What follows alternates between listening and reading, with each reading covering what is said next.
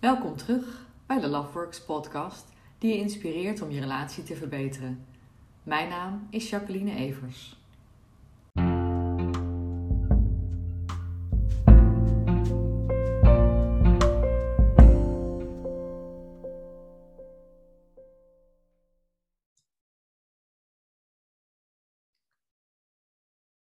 Irritaties in relaties. Dat chaotische, standvastige, zelfverzekerde, rustige, zelfstandige, jongensachtige, kunstzinnige. Ooit vond je dat zo leuk en viel je er zelf als een blok voor. Maar nu irriteren die eigenschappen van je partner je juist mateloos. Kun je daarmee leren leven? Of? Marloes is 31 en die vertelt over haar situatie met haar partner. Dat kitesurfen domineert ons hele weekend, zegt ze. Ze valt op oudere mannen. Die vindt ze over het algemeen charmanter en interessanter dan mannen van haar eigen leeftijd. Waar ze in eerdere relaties alleen wel achterkwam, was dat die mannen toch wel een beetje ingedut waren. Nou, met Lex lag dat gelukkig anders. Hij was toen 47 en tijdens hun eerste date één brok energie. Een joviale lach, dansende pretoogjes en ook nog eens een supergoed figuur. Enthousiast vertelde hij over zijn grote passie, kitesurfen. Aha, dat verklaarde die gespierde bovenarmen. Ze zag ook helemaal voor zich hoe hij wind en water trotseerde. Wat een stoere vent en wat heerlijk dat hij haar ook leuk vond. Wie verliefd is, ziet dingen vaak mooier dan ze zijn. En dat gold zeker voor haar. Ze dacht namelijk dat ze lekker met een boekje op het strand zou zitten, terwijl hij een paar uurtjes met die kite op het water bezig zou zijn. Maar ze had er even niet bij stilgestaan dat kitesurfen geen sport is voor mooi weer en wind heel vaak met regen gepaard gaat. Meegaan is dus vaak geen optie en ook helemaal niet leuk, want ze staat er dan maar in haar eentje te verkleumen. En in de praktijk komt het er dus op neer dat ze in het weekend minstens een dag alleen thuis is. Lex is werkelijk bezeten van wind, net als zijn clubleden. Op donderdag begint een groepsapp al driftig te rinkelen over wat de allerbeste tijd is en de allerbeste dag is om in het weekend naar het water te gaan. Ze crossen het hele land door voor de beste locaties. En wat haar daaraan het meeste stoort, is dat je het weer niet kunt voorspellen, waardoor er maar weinig te plannen valt. Op die manier domineert zijn sport hun hele weekend. En als ze een verplichting hebben waar ze echt niet onderuit kunnen, bijvoorbeeld een verjaardag of een feestje van vrienden, en er staat een harde wind, is hij over het algemeen niet te genieten. Zo kinderachtig. En daar hebben ze echt de meeste ruzie om. Ze heeft vaak gedacht dat hij maar iemand anders moet zoeken die ook helemaal wild is van deze sport. En dat ze stukken beter af zou zijn met een man die tevreden is met twee uurtjes sportschool per week. Dan maar een saaier type. En zo vertelt Inge, die 38 is, dat ze gek wordt van de hang naar kunst van haar man. Haar man is documentairemaker. Het is zijn passie om misstanden in beeld te brengen en mensen op die manier een andere kijk te geven op dingen. Zo filmde hij onder meer in achterstandsbuurten, sloppenwijken, buitenlandse gevangenissen, etc. Sommige producties nemen maanden in beslag en dat terwijl hij er niet bijster goed voor betaald krijgt, zeker niet als je dat afzet tegen de hoeveelheid uren die hij maakt. Vroeger vond ik dat idealisme en zijn hang naar mooie dingen maken heel erg aantrekkelijk. Sterker nog, het is waar ik voor gevallen ben, vertelt ze. Ze vond het heerlijk, zo'n creatieveling die er met zijn camera en crew op uittrok. Soms ging ze zelfs mee naar een van zijn bestemmingen. Haar man vond ze vele malen leuker dan een jasje-dasje type. Maar dat was wel voordat ze twee kinderen, een duur huis en nog meer financiële verantwoordelijkheden kregen. Nu begint dat creatieve en non-commerciële van hem haar echt te irriteren.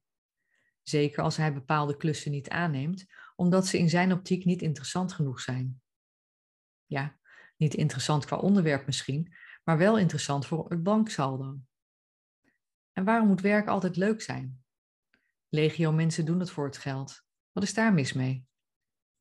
Laatst vertelde hij haar dat een paar collega's verwerpelijke opdrachten hadden aangenomen en dus in zijn ogen voor het geld waren gezwicht. Hij deed er heel denigrerend over. En ze heeft hem toen uitgelegd dat ze ervan baalt dat hij op die manier naar zijn werk kijkt. Door dat kieskeurige gedoe hebben ze nog steeds geen koophuis en kan ze haar dromen als een vakantie naar Canada en een dag minder werken wel op haar buik schrijven. Ze is bang dat hij hierin nooit zal veranderen en dat maakt het lastig. Lineke is 39 en dat hij in alles zo voorspelbaar is, vindt ze vreselijk. Na een aaneenschakeling van foute vriendjes, vlierenfluiters en fladderaars kreeg ze een relatie met Gijs. En ze kwam helemaal tot rust met hem naast haar.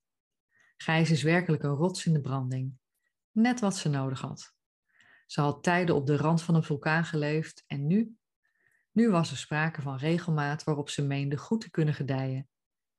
Niet wetende dat dit juist een punt van ergernis en discussie zou worden. Gijs werkt al jaren als accountant bij hetzelfde kantoor. Op dinsdag en donderdag sport hij.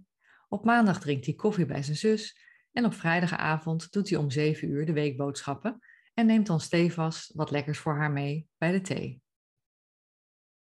Dat stramien en voorspelbare waar ze ooit zo van hield, begint de laatste jaren haar steeds meer te benauwen.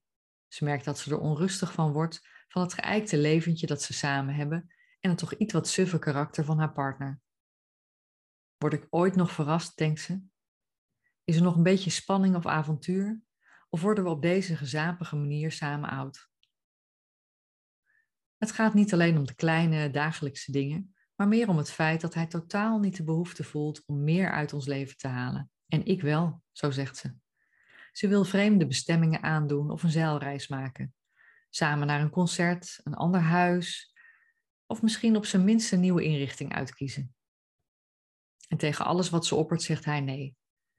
Het leven is toch mooi zoals het is? Hun solide basis is de laatste jaren opeens niet meer genoeg voor haar. Ze wil begrepen worden en er samen op uit nieuwe avonturen beleven. Betekent dat dat ze bij haar partner weg moet gaan? Eigenschappen waar je ooit op gevallen bent, die ga je na verloop van tijd irriteren. Dat hoor ik vaker terug in mijn praktijk. Soms uh, vallen we onbewust op eigenschappen van een van onze ouders. Dus bijvoorbeeld een vrouw valt op een man die veel weg heeft van haar vader.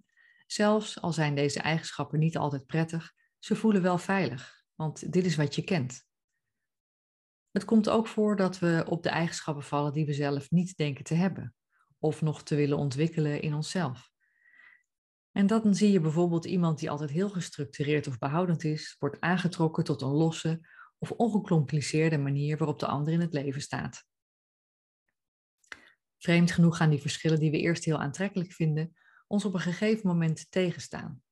Vaak omdat het haak staat met datgene wat wij belangrijk vinden en wat weer heel erg met je opvoeding of conditionering te maken heeft. In het geval van Marloes zie je dat ze vooral bezig is met plannen en afstemmen, terwijl Lex bezig is met datgene waar hij zelf energie van krijgt of blij van wordt. In mijn praktijk zie ik dit zo vaak voorkomen. Vrouwen die druk zijn met zorgtaken, met hun omgeving en zichzelf daarbij gemakkelijk wegcijferen. In die zin kan Marloes misschien wel wat leren van hoe Lex voor zichzelf kiest, door in de weekenden bijvoorbeeld ook iets voor zichzelf te gaan doen. En waar ik Stellen verder in begeleid is om te gaan kijken naar het onderliggende probleem. Wat is er nou echt aan de hand waardoor je je zo aan de eigenschappen van je partner uh, ergert? Ruzies of irritaties lijken vaak om kleine, onbenullige dingen te gaan. Maar daar gaat het niet echt om. Het is niet de echte reden van je ongenoegen. Wie wil groeien in een relatie kan leren bij zichzelf te ontdekken wat de onderliggende pijn of het diepere verlangen is. Waarover ben je nou echt teleurgesteld? Probeer dat maar eens naar dat gevoel te gaan en dat eens uit te spreken tegen je partner. Dit zorgt vaak voor meer begrip en een omslag in de communicatie. Dat Marloes uiteindelijk zegt dat ze beter af zou zijn met een saaier type, betekent gewoon dat ze iemand wil die haar laat merken dat hij van haar houdt. Kennelijk is samen leuke dingen doen en je als stel presenteren haar vertaling van houden van. Geen wonder dat ze zich nu zo vaak eenzaam of tekort gedaan voelt. Kortom, laat je pijn niet zo groot worden dat je liever een einde maakt aan je relatie, maar spreek je uit.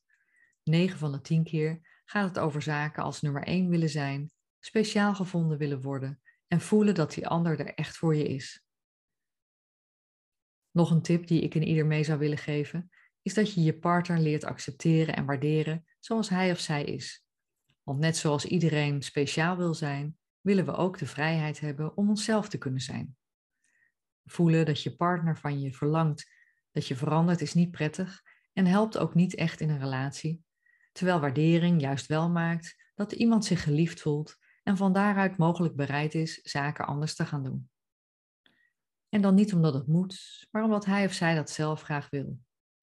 Bovendien benadruk je de verschillen of ergernissen alleen maar door er steeds op te focussen. Een saaie man kan je bijvoorbeeld ook zien als een fijne steunpilaar, iemand op wie je kunt bouwen, zelfs in roerige tijden. Wil je toch meer actie? Ga die verre reis met je zus of een vriendin maken, in plaats van erop te blijven aandringen alles samen te doen, omdat dat jouw ideale plaatje is. Ik spreek in mijn praktijk veel mensen die maar vast blijven houden aan hun eigen standpunt en zienswijze, waardoor ze steeds meer verharden en elkaar op den duur kwijtraken. Terwijl je met echt luisteren en als gevolg daarvan met het maken van andere keuzes veel dichter bij elkaar komt.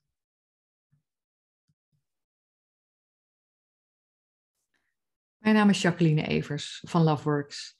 Ik help stellen met een liefdevolle en vervullende relatie in plaats van een bittere en kostbare scheiding.